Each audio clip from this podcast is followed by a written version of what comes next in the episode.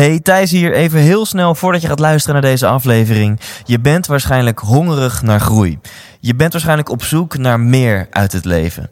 En ik kan je vertellen, dan ga je het enorm naar je zin hebben tijdens de 100% Inspiratieshow. Dit is een combinatie van een seminar waarin je veel gaat leren over geluk en een avondje uit waarin je vooral gaat lachen en het naar je zin hebt. Oftewel, je gaat ontdekken hoe je nog gelukkiger kunt worden en dat verpakt in een hele hoop entertainment. Kaarten, die kun je kopen op thijslindhout.nl. Alle vorige shows waren volledig uitverkocht, dus als ik jou was, zou ik er snel bij zijn. Heb je zin in een avond uit, vol inspiratie? Neem je partner, je collega's, je vrienden en vriendinnen mee en koop nu je tickets op thijslindhout.nl. Mijn naam is Esther Vergeer en je luistert naar de 100% Inspiratie Podcast.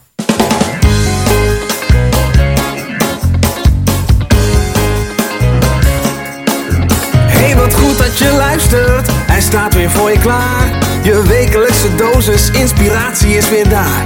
De allerleukste gasten geven al hun kennis prijs. Met je veel te blije host, hij praat je bij. Zijn naam is Thijs. Thijs,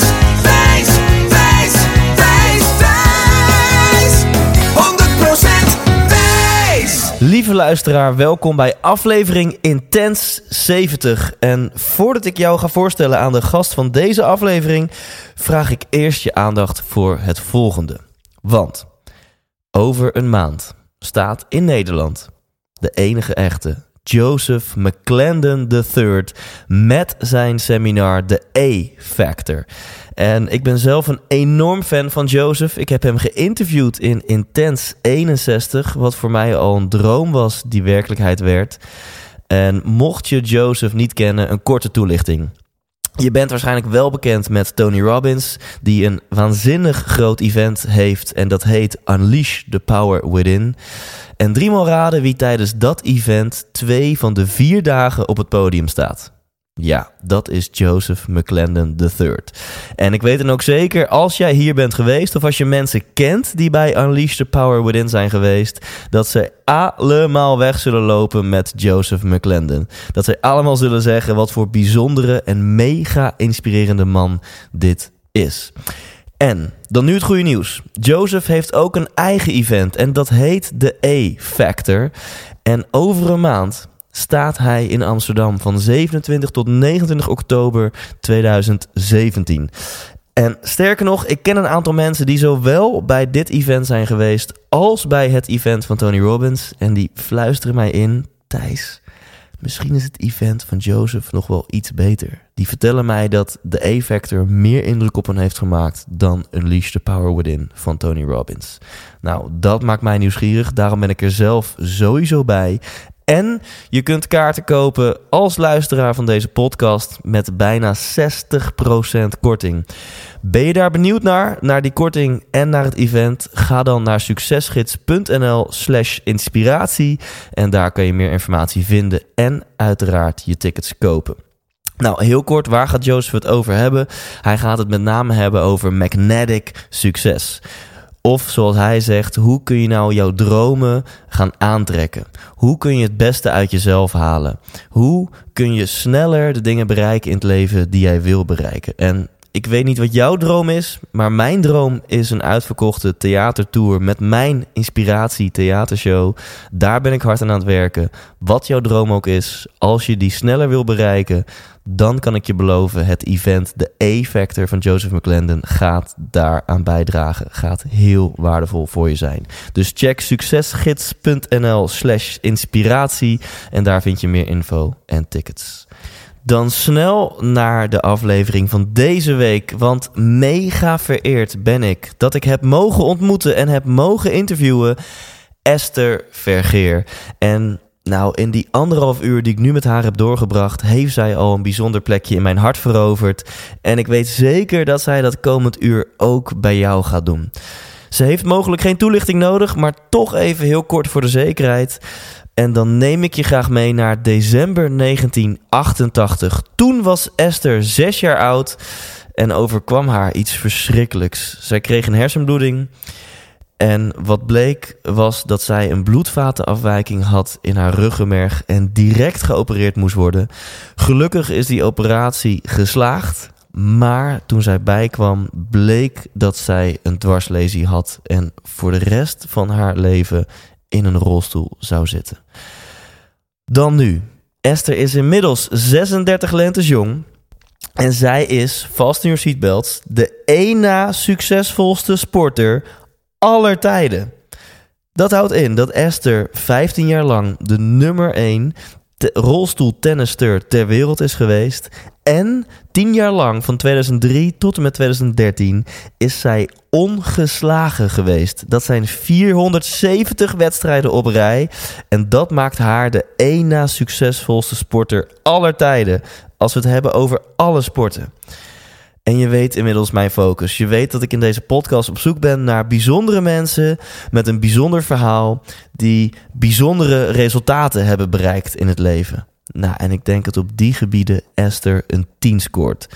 En daarom zou ik willen zeggen: Do I need to say more? Ga er gewoon lekker voor zitten.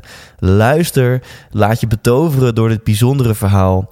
Ehm, en ik wil nog heel kort even sportsspeakers.nl bedanken voor mij in contact brengen met Esther. Uiteraard kun je op sportsspeakers.nl Esther ook boeken voor een lezing. Maar voor nu, geniet van dit interview in deze podcast. 100% wijs! Tegenover mij zit uh, de bloedmooie Esther Vergeer. En Esther, wat wil jij worden als je later groot bent? Jeetje, dat is een uh, meteen een moeilijke vraag. Uh, nou ja, daar worstel ik dus mee. Want toen ik uh, nog heel erg actief was als sporter, was dat heel duidelijk. Ja. En ook heel concreet. Um, want dan kan je uiteindelijk een, naar iets toewerken. Of dat nou een, een gouden medaille is of een, een prijs. Of, weet je? En nu is dat niet meer zo concreet. Ik kan wel zeggen, ik wil um, um, voorzitter worden van de International Paralympic Committee. Zou kunnen. Ja. Maar ik vind het heel lastig om dat dus in te schatten of dat haalbaar is, of ik dat leuk vind um, en of ik daar dus alles voor over heb om daar naartoe te werken. Dus dat vind ik moeilijk. Aan de andere kant vind ik juist dat burgerleven eigenlijk, wat ik dan nu een beetje leid, hè, dus gewoon een soort van huisje, boompje, beestje, ja. vind ik ook wel leuk. Dus, dus waarom, dan, waarom zou ik dan zo'n heel hoog ambitieus doel moeten hebben? Dus ik ben er nog niet helemaal over uit wat ik nou dus wil worden. Ja. En je denkt nu in concrete beroepen, zeg maar. Ja. Als je zou denken in wat voor elementen moeten jouw leven, of zou je willen dat jouw leven nog gaan bevatten de komende 80 jaar? Oeh, 80 jaar is ook wel nou, heel laten lang. we een beetje optimistisch zijn. Ja. ja. Um, nou, ik merk wel dat ik dus um, tijd heel belangrijk vind. Dus dat ik tijd heb voor familie en tijd heb voor vrienden. Ja. En niet dat je daar heel ongemakkelijk van wordt dat je ergens tijd moet zoeken, maar dat dat dus gewoon is. Dus dat vind ik belangrijk. En uh, ja, een beetje de cliché dingen. Maar ik, ik, kijk soms nog best wel een beetje angstig uit naar de toekomst. Dat ik bang ben dat ik heel erg afhankelijk ga worden van zorg. Ja. En dat wil ik niet. Dus ik hoop dus gezond en sterk te blijven zo lang mogelijk. Dus dat ik zelfstandig ben. Um, ja, en uiteindelijk lijkt mij, en dat vind ik het misschien wel het meest waardevol, dat je gewoon een fijne fijne thuisbasis hebt of Ja. zo. Dat is um, ja, dus, dus toch wel een beetje dat burgerlijke. Maar dat zou ik, dat zou ik heel fijn vinden als daar geen onrust of uh, verdriet of niet te veel verdriet Ja. uh, bij komt kijken. Is dat gek als je na een lange carrière als topsporter het gewone leven instapt? Want je hebt Heel gek. Ja, Ja, heel, en ook heel lastig, omdat je dus dat, dat concrete doel niet meer hebt. Maar ook de structuur niet meer hebt. En dus, dus wat de, ja, dat, dat, dat onrustige, um, dat komt dan ineens om de hoek kijken. En ja, dat vond ik heel moeilijk. Of vind ik soms ook echt nog wel moeilijk. Ik ben nu Ja. vijf jaar gestopt. Of ja, eigenlijk wel vijf jaar gestopt. Ja. En, um, en ik heb het idee dat ik dat ja, zeker meer al wel op de rit heb staan dan, uh, dan vier jaar geleden. Maar nog steeds niet helemaal um, in balans heb of zo. ja, want zijn dat dan... Kijk, als topsporter heeft je leven bepaalde hele duidelijke elementen. Uitdaging, avontuur, ehm, misschien ook wel uitputting... maar ook wel naar een concreet doel toe werken, focus, 100.000 procent. Ja. Zijn dat dingen die jou heel gelukkig maken... en die je dan daarna een beetje miste? Ja, want ik denk dat ik daar ook mijn. Um, ja, dat klinkt misschien wel, maar bij mijn- mijn bestaansrecht uithaalde of zo. Ja. Dus als ik dus succes had, of als ik eh, een toernooi won, of als ik eh, die medaille omkreeg, dan wist ik dat ik goed bezig was geweest of zo. Ja, En, eh, ja. Dus dat is heel, heel helder. En dat is dus nu niet meer zo. En dus vind ik het soms moeilijk van, ja, de dingen die ik dus doe, zijn die dan zinvol? Heb ik daar, heb ik daar wat aan? Heeft de maatschappij daar dan wat aan? Ehm, waarom zou ik het doen? Want is het nuttig? Nou, en die vraag stel ik me dan wel heel vaak. Ja. Ja. Dus zou mooi zijn als jij in je leven nu na sporter ook diezelfde voldoening en erkenning kan krijgen die je als sporter had. Ja, en dat kan dus niet meer. Want daar ben ik ondertussen wel achter. En ook door middel van het praten met andere sporters. Ja. Dat gaat nooit meer op die manier komen. Nee, oké. Op dat, eh, je, tuurlijk kun je nog steeds mooie momenten mee maken Ja. en trots zijn en waardering en erkenning krijgen, maar niet meer op dat niveau nee, dat je... nee ja, en niet op die manier. En niet op die manier. Ja. Nee, zo'n stadion met 10.000 mensen en het volkslied. En, ehm, en dan dus die erkenning overal ter wereld. Dus op straat, in de supermarkt, eh, in de sportwereld. Die ga je gewoon niet meer krijgen. Ja. Dus ik moet het nu halen uit kleine dingen. Niet dat het erg is, maar dat is echt wel een soort van schakel die ik heb Ja. om moeten zetten in mijn hoofd. En is het ook tijdens je carrière als sporter, hè, is dat verleidelijk of misschien zelfs verslavend? Ja. Dat je die aandacht te belangrijk gaat vinden? Ja. ja, zeker. En ik denk ook wel, omdat ik in de laatste jaren bijna alles heb gewonnen, of eigenlijk alles heb, had ja, gewonnen. volgens mij kun je eigenlijk Nee. weghalen in die zin. Ja. Ja. Eh, en dat is misschien wel een beetje, dat heeft mij misschien wel, ja, dat klinkt heel dramatisch, maar een beetje verpest. In die zin dat ik dus, ik heb dat, ik heb, had, heb dat echt nodig. Dat ik dus die erkenning krijg. Wat natuurlijk raar is, want uiteindelijk moet je het met jezelf eens zijn of jezelf dat geluk gunnen of jezelf ehm, die voldoening geven. Maar Ja. ik had dat in het begin zeker nodig, dat mensen tegen mij zeiden, oh je bent goed bezig of het knap van je of gefeliciteerd met dit behaalde succes. Of, eh, en ik denk echt wel dat dat komt doordat ik in mijn sportcarrière zoveel gewonnen Ja. heb. Ja. Ja. want even voor de luisteraars. Als je gaat kijken naar een sporter, op welk gebied dan ook... en je gaat een sporter definiëren als het aantal keer dat je op rij ongeslagen bent... eh, dan ben jij misschien wel een van de beste sporters ter wereld ooit. Ja, de, ja, er is er één, eh, een, volgens mij een Pakistaanse squash-speler. Eh, Wie kent er niet? Wie kent hem niet? Die heeft 550 keer achter elkaar gewonnen. Eh, zijn wedstrijden. En ik heb er dus 470 gewonnen. Dus eh, Ja. ja. er is er maar eentje die dan op dat vlak beter is dan ik. Ja. En dat is, dat is van 2003 tot 2013. Ja. Heeft gewoon niemand van jou gewonnen. in, de, in de single niet, nee. In de Dus- single niet. ja. Ja. Ik ben heel benieuwd, hè. Is dat heel comfortabel of is dat juist rete eng om de beste te zijn en telkens die druk te voelen? Mm, ja, nou beide eigenlijk. Want ik heb daar beide mee ehm, soort van geworsteld, denk ik ook wel. In het begin geef je natuurlijk enorm veel zelfvertrouwen als jij eh, drie jaar lang, vier jaar lang ongeslagen bent. Want dan weet je dat je iedereen kan verslaan en dat, dat nou, bijna letterlijk zeg je ook tegen jezelf iedere dag in de spiegel. Zo van, hey, ik ben op dit moment de beste van de wereld. Er gaat echt niemand mij van mijn troon verslaan, want ik kan iedereen hebben. En er is denk ik een periode geweest van twee of drie jaar waarbij ik dat super eng vond. Dat ik dacht, shit, maar ik kan alleen maar verliezen. Het, het Ja. enige wat ik nog kan doen is verliezen. En ik heb daar met Roger Federer ook over gehad. Die zat een beetje in zijn succesperiode tegelijkertijd.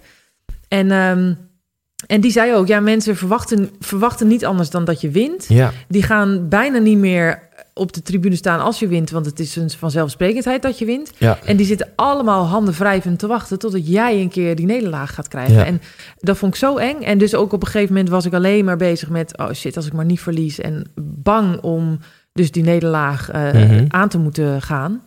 Ehm, en daarmee stortte zeg maar sportplezier ook echt wel in. Dat ik dacht, ja, maar Oh, dit ja. wil ik niet. Hier heb ik echt geen Ja. zin in eigenlijk. Ja. Dus waarom doe ik het nog? Zal ik niet stoppen? Of ehm, weet je wel zo? Omdat je het niet meer leuk vond. Ha- Had je nog tien jaar door kunnen gaan op de nummer één plek? Eh, vanaf het moment dat ik nu heb gezegd ik stop, dus Ja? vanaf 2013, Ja? nee, ik had geen tien jaar lang meer door kunnen gaan. Ik, had, ik denk echt wel dat ik nog vier jaar, dus tot en met Rio, eh, echt nog wel zeker met top drie, top vijf had mee kunnen gaan. Zeker. Want ik, er was niks fysieks mis of zo. Weet je, Mhm. ik was nog super fit en sterk. En, ehm, dus dat geloof ik wel. En dus ook dat ik echt wel medailles had kunnen winnen in Rio. Of eh, nummer één positie ook nog wel een beetje had kunnen Ja, vasthouden. Maar niet, eh, nu niet meer, denk ik. Nee, ja, je weet natuurlijk nooit. Maar ehm, nee, ik denk het niet. En laten we even bij het begin beginnen. 36 lentes geleden ben jij geboren. Ehm, wilde jij als klein meisje al topsporter worden? Nee, helemaal. Nou ja, ik was er helemaal niet mee bezig. Ik kom niet echt uit een gezin wat enorm sportminded was of zo. Ja, mijn vader heeft vroeger volgens mij wel op regionaal eh, niveau geturnd. Dus die was de enige sportieve zo'n beetje. Ja. Maar mijn broer en mijn moeder helemaal niet. Dus het zat er niet echt, eh, is er niet met de paplepel ingegoten. En ehm, ik was wel, eh, dus toen ik zes was, ging ik voor het eerst op een clubje, ging ik badmintonnen. En, ehm, maar dan heb puur lol, één keer in de week en af en toe een keer een Ja. En eigenlijk pas sinds dat ik in een rolstoel terecht ben gekomen, dus toen was ik acht. ehm, toen ben ik met sport in aanraking gekomen, omdat dat een onderdeel was van mijn revalidatie. En omdat ik dat wel het leukste onderdeel vond van de revalidatie. Ja, Weet ja. je, dus fysiotherapie en ergotherapie. En ehm, ja, wil je niet, heb je gewoon geen zin in en heel Ja. confronterend. En sporten, dat was gewoon leuk en gezellig. En ehm, dus toen Ja. ben ik me daar een beetje meer eh, in gaan verdiepen. Ja, en je stapt er nu heel snel overheen. Maar, maar hoe is dat als kind? Eh, Je bent zes, net als alle andere meiden. Je speelt, je kan lopen, rennen, alles. Ja. En eh, er overkomt je zoiets. Ja, Wil je er wat over vertellen? ja, ja zeker. Ehm, het is wel zo dat ik het, als ik nu terugdenk, is het niet. ehm, ik, kan, ik kan me heel moeilijk de lastige momenten herinneren. Dus ik weet wel dat ik het, eh, zeker in het begin, heel vraag, eh, vaak en bijna iedere avond huilend in mijn bed lag. Van waarom ik? Weet je, Ja. wel, waarom moet het mij nou overkomen? Ja. En eh, dat je inderdaad die lullige dingen als buitenspelen, stoepranden, het laatst gekozen worden met de gymles, ehm, eh, het weer opnieuw leren aankleden, naar de wc gaan. Weet je wat, dat soort dingen waar je eigenlijk net heel erg zelfstandig in bent geworden hè, als je acht bent. Dat je dat allemaal weer moet leren, dat vond ik heel frustrerend. En dat vond ik oneerlijk, omdat Ja. waarom ik dan? En eh, dus daar heb ik het zeker wel lastig mee gehad. Ehm, aan de andere kant denk ik dat ik daar niet in ben blijven hangen, doordat ik ook wel gewoon weer in het normale leven ben gestapt. Dus mijn ouders die hadden vrijwel direct besloten: oké, dat is een hele vervelende situatie voor ons als gezin en voor Esther eh, als, als persoon. Ja. Maar laten we haar wel naar een gewone school toesturen bij de oude vriendjes en vriendin- vriendinnetjes. En we gaan ook haar mee laten lopen met het avondvierdaagse en ook Ja. laten logeren met vriendinnetjes om maar Ja. gewoon wel de normale dingen te blijven doen. ja. En door juist die confrontatie aan te gaan dat het niet meer even makkelijk is en dat je dus heel flexibel en ehm, ja, eh, oplossingsgericht moet gaan denken, dat heeft mij wel geholpen in denk ik de mindset die ik nu ook nog steeds heb. Ja, en je zegt, je- de waarom ik vraag, die kwam ook al heel vaak. Ik kan me voorstellen dat, je, dat heel veel mensen er wel in blijven hangen. In, in het gevoel van dit is oneerlijk en waarom Ja. overkomt mij dit? En dat je misschien een beetje verbitterd Ja, verder gaat met je leven. ja. Ehm, is dat zeg maar nurture of nature bij jou? Weet je, hoe komt het dat je toch weer als meisje van acht alweer vrij snel ja, de mogelijkheden begon te zien en, en toch weer de draad op begon te pakken in het Nou, leven? ik denk juist dat kinderen die die mogelijkheid, mogelijkheid zeg maar heel erg hebben. En volgens mij komt het bij kinderen door de omgeving. Het ligt er dus heel erg aan hoe de omgeving ermee omgaat, eh, hoe het kind ermee omgaat. Dus als de, omgeving een Ja. enorm issue van maakt, dan zal het kind continu denken: oh shit, ja, ik ben een blok aan het been, of het gaat niet, of het lukt niet, of het is moeilijk, of irritant. Of, ehm, maar als de omgeving daar ook niet zo'n probleem van maakt en dus ook probeert om dat kindje mee te nemen in ja, de normale dagelijkse gang van zaken, dan zal dat daar dus ehm, ook makkelijker mee dealen. Dus ik denk dat dat mij een ja, redding is geweest. Dat ik dus heel erg snel in een soort van normaal ritme weer ben gekomen. Ja. En het is ook niet zo, want en dat, dat, ik heb nu nog steeds. Kijk, ieder, volgens mij is het een beetje bij iedere fase in het leven Mhm. heb je van die ehm, moeilijke periodes. En dat is ongeacht je handicap, denk ik. Hè? Want volgens mij is het sowieso de eerste keer schuifelen. Nou weet ik niet hoe dat bij jou was, maar volgens mij is dat bij iedereen Bij mij ging het ongemakkelijk. super smooth. Ja, dat, dacht, dat dacht ik al. Ja, bij jou is alles in het leven heel smooth gegaan. Nee, maar je hebt gewoon Ja. altijd van die fases dat je eh, puberteit of Ja, eh, dat, je, dat je je ongemakkelijk met jezelf voelt. Of en dat je, shit is onvoorkomelijk in het ja, leven. nou, dat denk ik echt. Ja, en, ehm, en misschien komt het als je een handicap hebt echt wel wat heftiger aan. Of misschien wat vaker terug. Of eh, op dagelijkse basis misschien wel terug. Ehm, maar ja, that's life dan, weet je wel. En dus ehm, ja, ik kom het nu nog tegen. En ik word nu... eh, weet je, dat was in de puberteit, vond ik het lastig. En dan eh, vriendjes of dansen, of weet je, dat gaat niet zo makkelijk. En dan met eh, schoolkeuzes heb je soms dingen Ja. dat je niet naar bepaalde scholen kan Dus moet je op zoek naar andere scholen of beroepen. Ik kan niet alle beroepen uitvoeren die ik misschien zou willen, omdat ik die handicap heb. Ja. Nou ja, dan moet je een ander beroep. Of als ik nu in de stad loop en ik kom een winkel tegen waar ik niet in kan, moet ik daar ook weer mee dealen.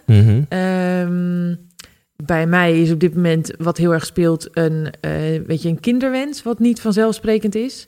Dus in iedere fase is het gewoon, ehm, ja, loop je dus tegen dingen aan die niet, eh, Ja. niet makkelijk zullen zijn. Maar daarom nogmaals, die omgeving is zo onwijs belangrijk. Ja. En in je lezingen heb je het volgens mij ook over omgaan met tegenslagen. Ja. Ehm, ja, hoe, hoe, hoe ga jij hiermee om? En heb je tips voor mensen? Want inderdaad, shit is, hoort, hoort bij het leven. Ja, en, en ehm, ja, weet je, het is zo inderdaad soms makkelijker gezegd dan gedaan om, Ja. om te zeggen, ehm, stel vooral een nieuw doel en werk daar naartoe. Of wees blij met kleine stapjes vooruit. Weet je, ik weet nog echt wel dat ik, hoe trots ik was op mezelf.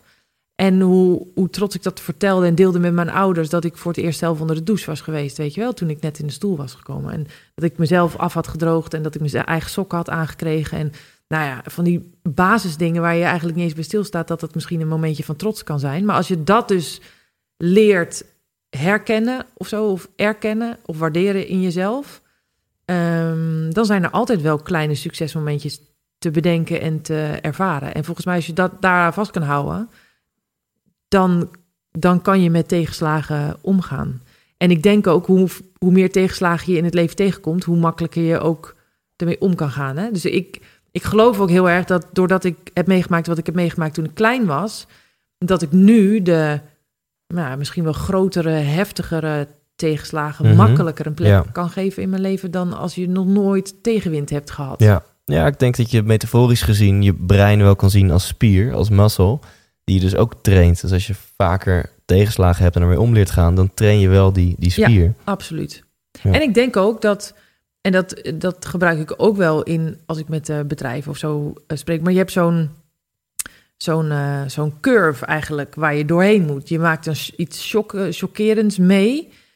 En dan zit je eerst in een soort van ontkenningsfase van nee, maar dit, Mhm. dit kan maar niet gebeuren. Dit gebeurt niet. Weet je, ik raak mijn baan niet kwijt. Of nee, ik zal vast wel weer kunnen lopen straks. Of eh, weet je, dus een soort van ontkenningsfase Ja, op een gegeven moment kom je erachter van, nou nee, dit is blijvend. Of oh shit, ik raak mijn baan kwijt. Of oh, ik moet echt met die collega gaan samenwerken. Of ik krijg het project in mijn schoot geworpen. Is een reality check van shit, dit gaat echt gebeuren. ja, Dan moet je een soort door een emotionele barrière heen. En dus die helbuien of verdriet. Of eh, dat moet je ook, denk ik, heel erg doorvoelen. Ja. Accepteren en ook is oké dat je soms gewoon baaldagen hebt.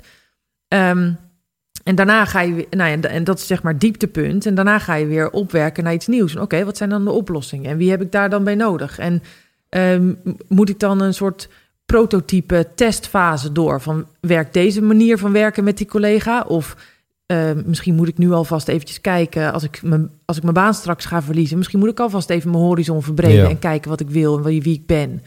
En dan ga je dat dus allemaal uitproberen en testen. En op een gegeven moment vind je dus wel weer je nieuwe weg ja, in je nieuwe baan of in een rolstoel of in een. eh, en, da- en, en dat zijn best wel grote dingen, maar volgens mij kan je dat ook heel erg koppelen aan kleine dingen. Weet je, als jij onwijs veel zin hebt in een koekje en de koekjes zijn op, ja shit, de koekjes zijn op. Nou, maar dat kan toch niet? Gisteren waren er nog koekjes. Ik heb gewoon zin in een koekje. Nou, en dan ga je, nou, maar, ja, ik zie echt, het is een lege trommel. Shit, ja.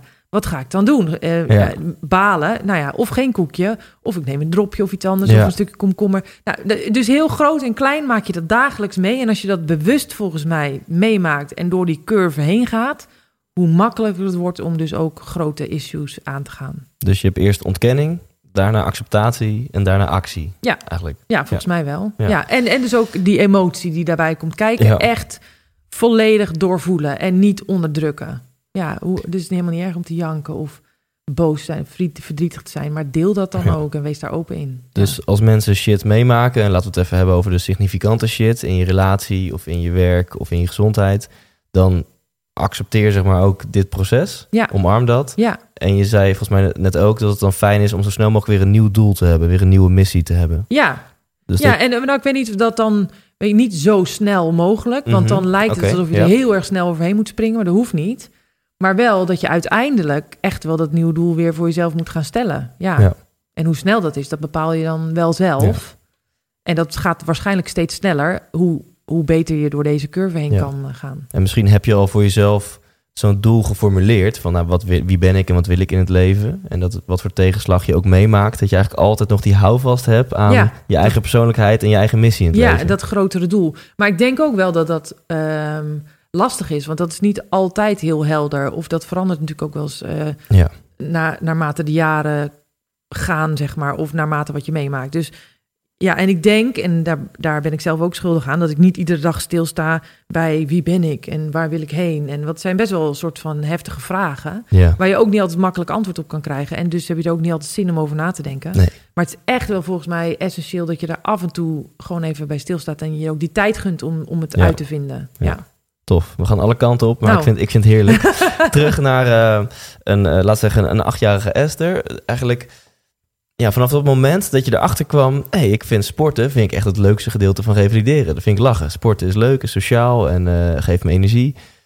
Vanaf dat moment tot aan nummer 1 op de wereldranglijst. Kan je, dat, kan je ons meenemen in, in die tocht? Ja, nou ja, ik kan het proberen. Ehm, dus in eerste instantie was dus sport een soort uitvlucht voor mij. Dat ik dacht, nou ja, hier kan ik mijn energie in kwijt. Word ik even niet meer geconfronteerd met alle dingen die ik niet meer kan. Ehm, dus was gewoon inderdaad plezier, fun. Ehm, en dat heb ik denk echt wel gewoon vier, vijf, zes jaar op die manier eh, gehad. Dus de, in het revalidatiecentrum ben ik daarmee in aanraking gekomen. En uiteindelijk ga je natuurlijk uit het revalidatiecentrum... moet je op zoek naar een vereniging waar je dan terecht kan... Eh, dat was, eh, ik woon in Woerden en dat was dan bij mij in Utrecht en Nieuwegein en Gouda, waar ik ging basketballen en tennissen, want dat vond ik dan het leukst. En ehm, ehm, nou ja, ik was gewoon een heel erg energiek meisje. Dus de trainers die mij dan zagen, die dachten, nou, ja, die gaat er wel voor. En dat is gewoon een, ja, eh, nou ja, sportief, eh, energiek meisje. Dus daar moeten we misschien wat extra aandacht aan geven in de zin van, nou, wie weet wordt het wat. Maar nog steeds had ik niet het idee. Ik had nog nooit van Paralympische Spelen gehoord. Ik had nog nooit van een, een ranglijst gehoord. eh, dus ik was daar helemaal niet mee bezig. Totdat ik met tennis mijn eerste ehm, toernooitjes ging spelen. Dus dat was ergens in, eh in 94. Dus ik was 13. ehm, ging een paar toernooitjes spelen hier in Nederland. En toen viel het op bij de bondscoach dat ik toch wel aardig wat balgevoel had. Of spelinzicht. En die zei van nou ja, ja je traint nu in Nieuwegein. Maar wil je een keer meekomen trainen met de jeugdselectie in Amsterdam. Gewoon nog steeds geen, eh, geen eh, eh, grote doelen, maar wil je een keer komen kijken. Dus dat vond ik eigenlijk wel tof. Is natuurlijk een compliment. En eigenlijk misschien is dat wel... ehm, ik was heel... Die, in die jaren dat je dus net in een rolstoel zit... dan ben je heel erg bezig met eigenlijk alles wat vroeger makkelijker ging. Hè? En alles wat vroeger Ja. wel kon. En word je ook heel geconfronteerd met wat je niet meer kan. Dus als dan iemand zegt tegen jou... eh, of een compliment geeft van hier ben je goed in... of volgens mij heb je hier talent voor... dan is dat echt iets wat enorm... Ja, bij mij in ieder geval insloeg als Ja. iets positiefs. Dus daar vond ik, dat vond ik gaaf. Dus ik ben in Amsterdam gaan eh, kijken en mee gaan trainen. En ehm, ja, toen bleek dus wel dat als je dus meer gaat trainen... dus niet één keer in de week in Nieuwegein... maar ook eh, twee keer of drie keer in de week met Amsterdam erbij... dat je dan heel snel sprongen maakt. Nou, en toen eh, ben ik een keer een toernooitje gaan spelen in Duitsland... en een keertje in België. Gewoon omdat ook mensen uit Amsterdam die meededen met dat groepje... daar ook naartoe gingen. En dat vond ik eigenlijk wel leuk, dus ik ging daar mee naartoe. En nou op die manier is het steeds ja, serieuzer geworden. Ehm, en ging ik een keer een wedstrijdje winnen. Ging ik een keer de jeugd eh, een toernooitje winnen. En uiteindelijk in 1998 ben ik dan voor het eerst naar Amerika gegaan voor, eh, voor een toernooi. En heel onverwachts won ik dat toernooi dus. Ehm, voor mij was dat Die nieuw. US Open was dat toch? Ja, dat was de US Open, maar niet in New York. Want dat was nog een. Toen de tijd was het nog niet heel erg geïntegreerd. Dus dat was ergens apart in San Diego. Ehm, maar toen won ik dat. En, en voor mij was dat toen wel een soort eh, turning point. Zo van shit.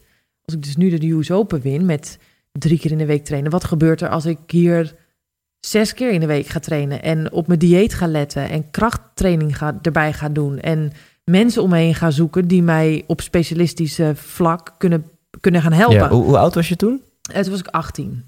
Ja. En, eh, en ook, nou ja, ondertussen had ik wel een beetje gehoord van zo'n ranglijst. En had ik ook wel het idee van Paralympische Spelen. En ging ik soort boegbeelden zoeken. Hè. Wie is dan de beste rolstoeltennisser en hoe werkt dat dan? En, eh, ehm, en toen kwamen dus die Paralympische Spelen in 2000 ook in zicht, in Sydney. En daar was dus toen nog twee jaar de tijd voor om daar naartoe te werken en om me daarvoor te kwalificeren. En toen heb ik wel voor mezelf besloten van nou, eigenlijk wil ik daar wel voor proberen te gaan. Dus laten we kijken hoe, eh, ja, ja, wie, wie heb ik daarvoor nodig, wat heb ik Ja. daarvoor nodig. Dus toen ben ik uiteindelijk dat allemaal gaan organiseren samen met de bond en samen Ja. met mijn trainer. En, eh, En dat betekende geen studie, geen baantje, alleen maar sport. eh, nou, ik, ik zat toen, dus toen op de middelbare school, klopt dat? Nou, als je 18 bent, ben je daar wel Nee, dan ben eh, ik- klaar ik. Ja. Dus toen was ik net klaar met de HAVO en toen ging ik naar de HBO.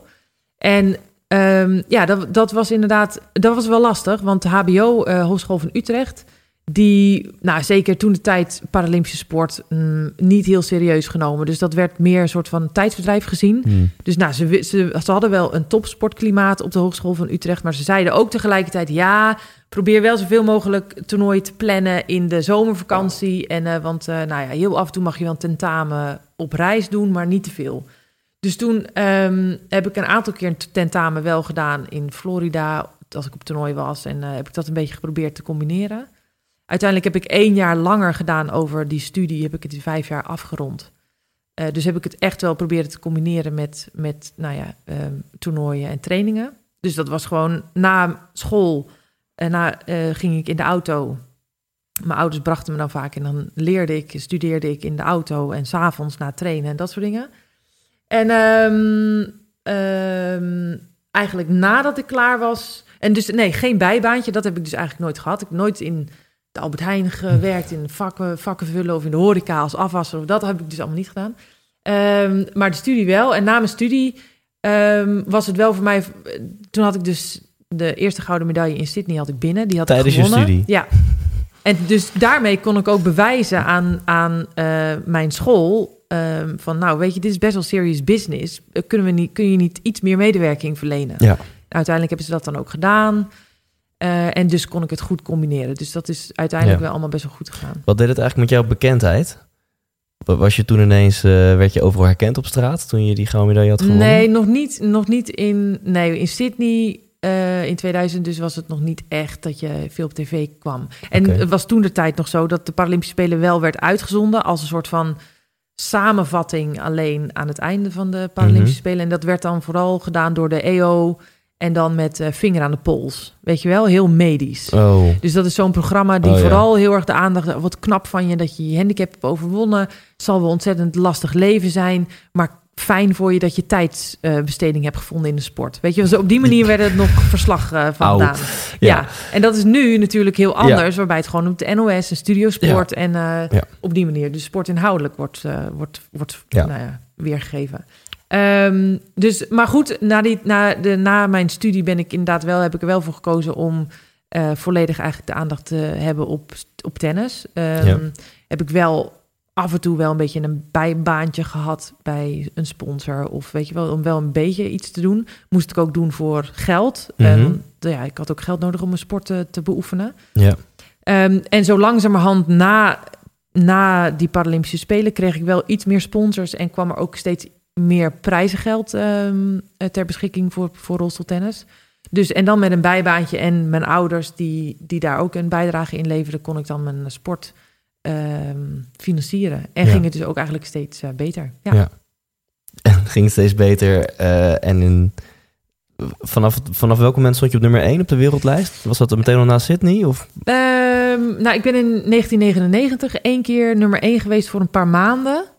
Toen verloor ik die in nummer 1 positie weer. En toen was het volgens mij eind 2000 dat ik weer die nummer 1 positie. ehm, zeg ik dat nu goed? Of was het. Ja, eind 2000 volgens mij dat ik hem weer kreeg. En toen heb ik hem eigenlijk nooit meer afgestaan. Wauw. ja. En is het, ehm, is het moeilijk, want je, je hebt heel veel onderscheidingen. Eh, zeven keer ben je Paralympisch kampioen, zeg ik dat goed? Ja. Vijf keer eh, sportvrouw van het jaar. Je bent ereburger van Woerden. Dat is misschien eens. nog wel de allerbelangrijkste. De eerste, hè? Want dat, dat- De eerste Ja, zelfs? want het was nooit ingevoerd in Woerden.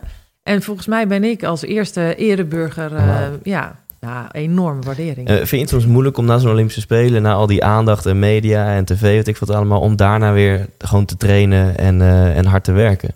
Ehm, nou, het was altijd wel zo dat ik een soort van... Want dat is natuurlijk het soort... ehm, ja, en het grootste doel waar je naartoe kan werken. En dus als je zo'n gouden medaille hebt gewonnen... dat je eventjes zo'n time-out neemt. Dus gewoon een paar, paar maanden, twee of drie maanden, gewoon even niks. Mhm. Maar eigenlijk was ik altijd wel gierig genoeg om ja, daarna weer, weer verder te gaan. En was het ook voor mij eigenlijk na, dus naar Sydney en naar Athene, naar Beijing, eigenlijk een no-brainer dat ik doorging. Dat ik door zou gaan, dat ik wist dat ik nog ehm, veel meer potentie in me had. Ehm, waarbij in de laatste vier jaar ik wel op zoek ben geweest naar een nieuwe coach. Dus toen ben ik naar Sven Groeneveld gegaan. Dus die, wel iedere keer op zoek naar nieuwe impulsen, nieuwe prikkels. En eigenlijk had ik dus die gierigheid na Londen had ik niet meer. Dus toen was het voor mij ook heel gek dat ik dacht, hè, maar waar, waar is dat vuurtje dan? Of waar blijft die kriebel of die eagerness om die baan op te gaan?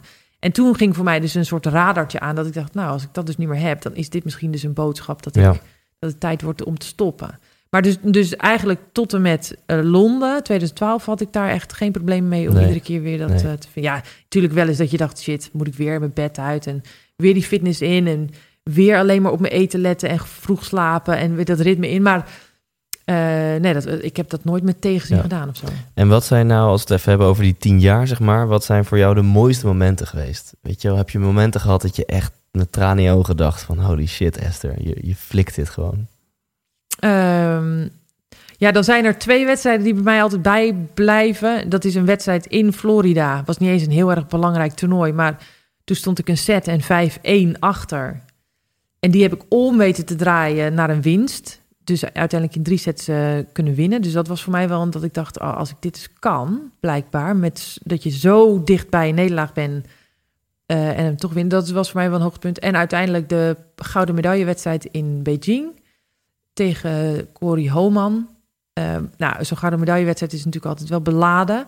En Corey en ik waren al jarenlang echt rivalen. Vaak in, in finales tegen elkaar eh, gestaan, maar ik had nog nooit van haar verloren.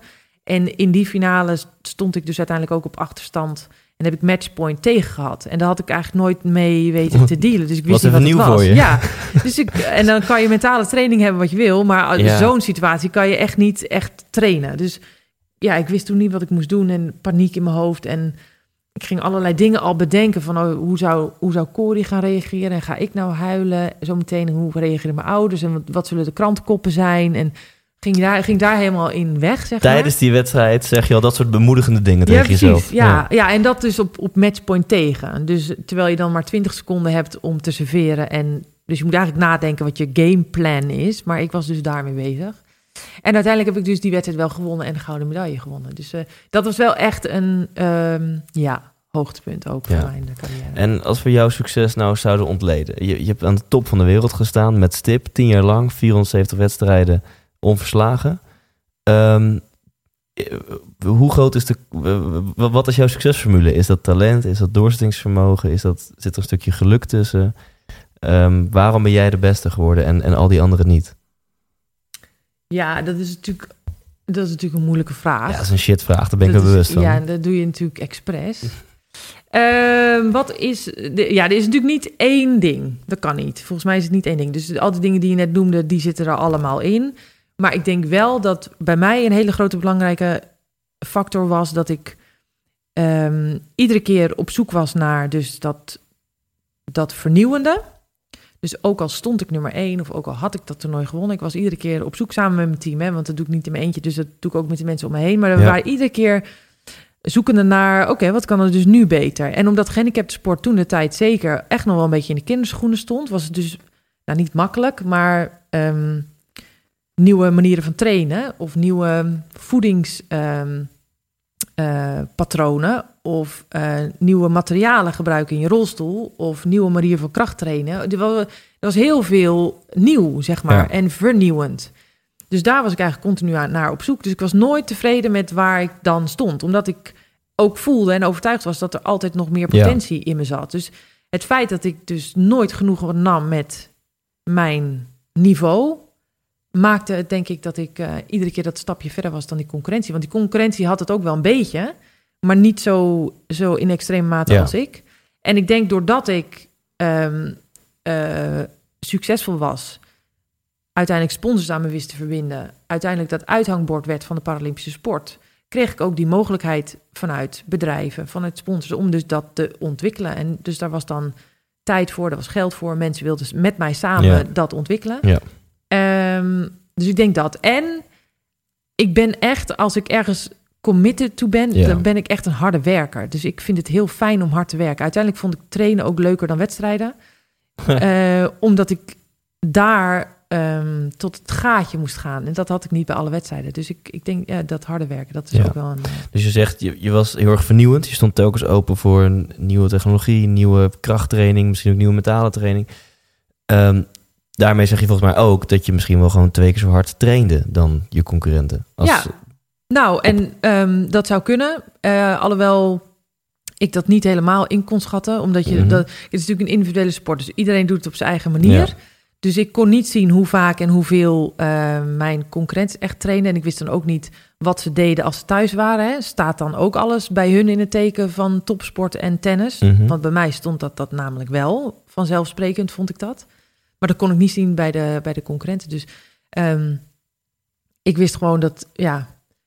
Ik, wat, ik, wat ook een overtuiging van mij was, is dat... ah, Oké, als ik dus tegen de wereld wil zeggen dat ik nummer één van de wereld ben... en dat ik dus dat ik vind dat ik het verdien om op die plek te staan... dan moet ik er ook wel alles voor over hebben. Ja. Ik zou het mezelf... Want dat was vaak uit het bedrijfsleven... als ik wel eens presentaties hield... die zeiden, ja, maar je, je wint zo makkelijk je wedstrijden. Je kan toch ook wel met de helft van je energie... kan je waarschijnlijk ook nummer één blijven en worden. En toen dacht ik, maar dat slaat toch nergens op? Als je weet dat er nog meer potentie in je zit... ja. en je gaat een beetje achterover eh, ook al zou het resultaat hetzelfde zijn... zou ik nooit mezelf recht in de Ja. spiegel kunnen aankijken. Want dan wist ik dat ik er niet alles voor gedaan Ja. had. Eh, dus dat was ook wel een, denk ik... Ja, want je, hebt het volgens mij inderdaad ook over... eh, ehm, het gaat niet zozeer om de beste zijn, maar om iedere dag een beetje beter te worden. Ehm, en dat geldt denk ik voor iedereen. Mhm. Kun je, kun je dat concreet maken voor mijn luisteraars? Van waarom is dat zo belangrijk? Wat je doelen ook zijn. En, en hoe, hoe kun je dat doen?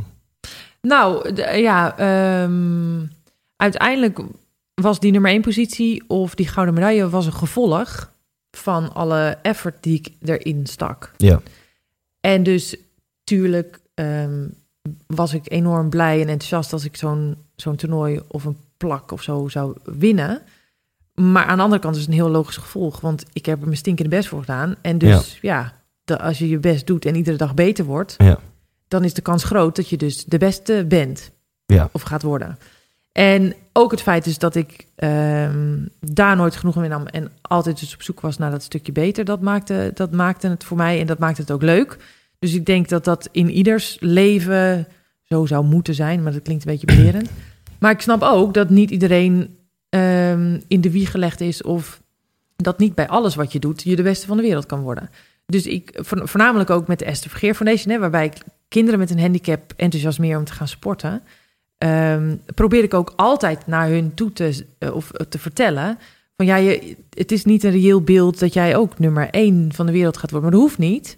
Maar als jij je best doet om dus iedere dag een beetje beter te worden, dan sta je waarschijnlijk echt wel straks als je klaar bent met je studie of klaar bent met je school of sta je sterker in het leven en dus word je een, ja, een beter persoon. Ja. Of, eh, nou ja, en volgens mij is dat voor iedereen zo. Dus als je daarmee Ja. bezig bent, dat je daar jezelf daar. Ja, dus, dus zeg maar helemaal los van sport.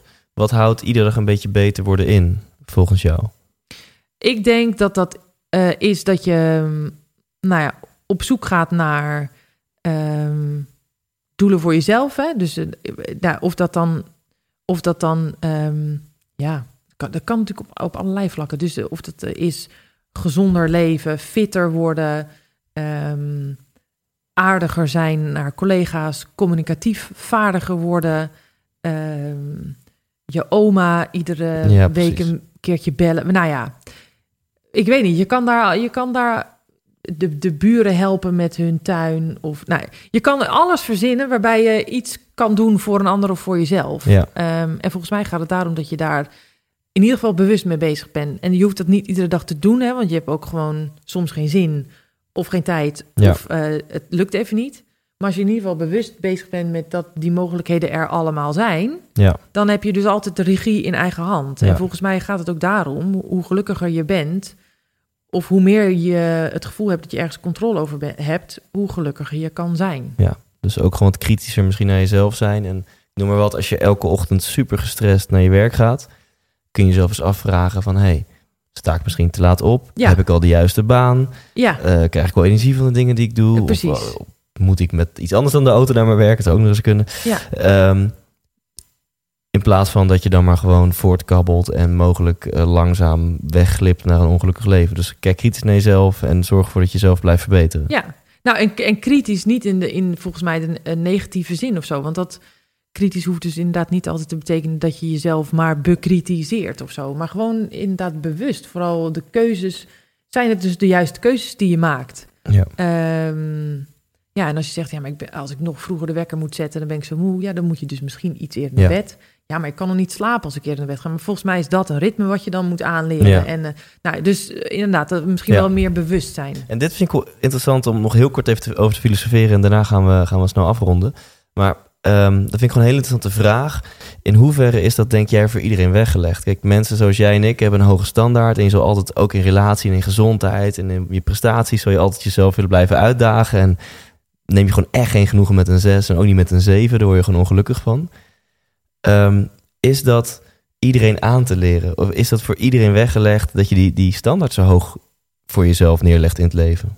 Nou, dat ja, vind ik ook een interessant. Want ik kom ook regelmatig inderdaad bij bedrijven binnen waarbij ik genoeg mensen zie.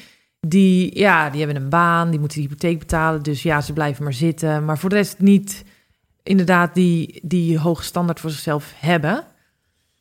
Eh, ik denk dus dat het. eh, ik denk wel dat het is aan te leren. Maar als je daar dus vroeger mee bent opgegroeid, is het natuurlijk makkelijker om dat nu te doen. En volgens mij is het ook zo dat als ik of iemand anders nu dat tegen jou zou zeggen, dat het niet binnen een week eh, in jouw hele systeem zit. Dus dat duurt gewoon lang. Ja. En dat vergt discipline om dat dus lang genoeg vol te houden om het je eigen te maken. Dus het is ook niet zo als ik een presentatie aan een bedrijf geef en ik eh, enorme motivatie of motivational eh, speech hou, dat de mensen daarna een heel ander leven hebben. En, eh, want het kost gewoon tijd Ja. en discipline om dat dus door te voeren. Dus het is misschien meer een soort volhardendheid die je bij jezelf kan afvragen. Heb ik die?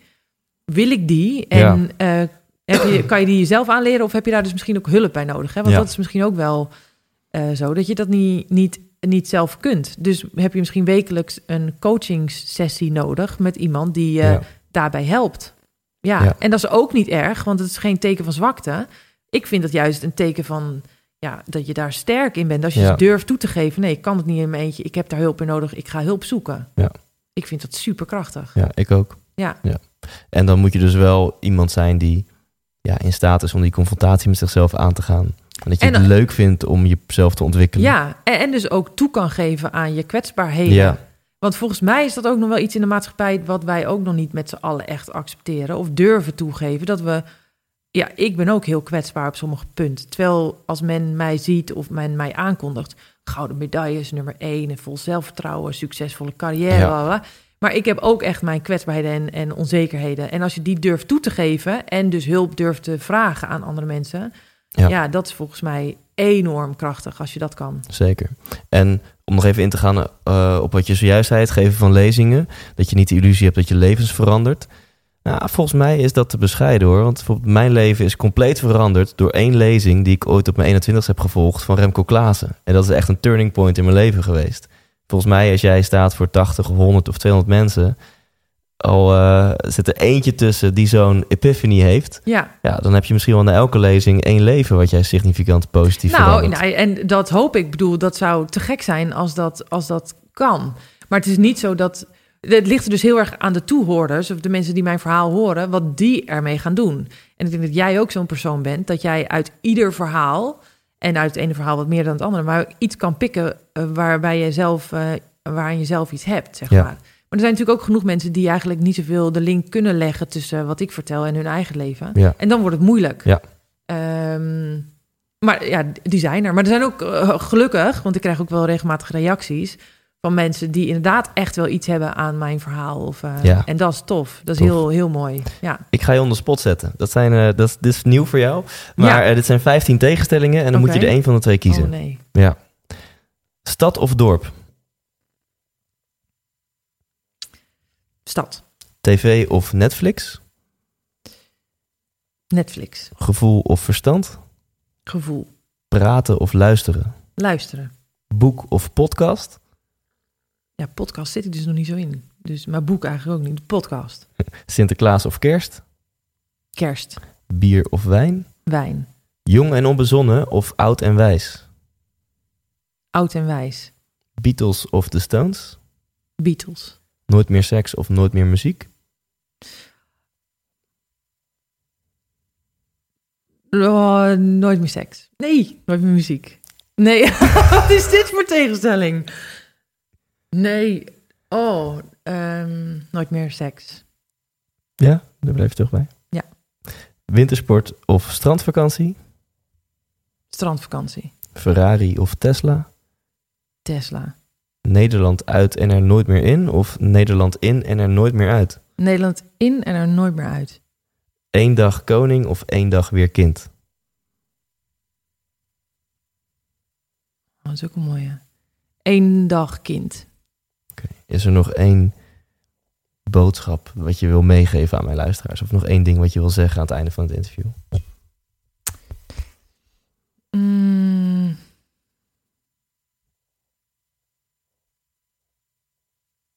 Dat is echt zo'n... Nou ja, ik, ik, ik, ik geloof erin dat als je mensen om je heen zoekt en creëert en vasthoudt, tussen aanleidingstekens, Mhm. heel veel liefde geeft, ehm, dan, dan is het leven per definitie mooi.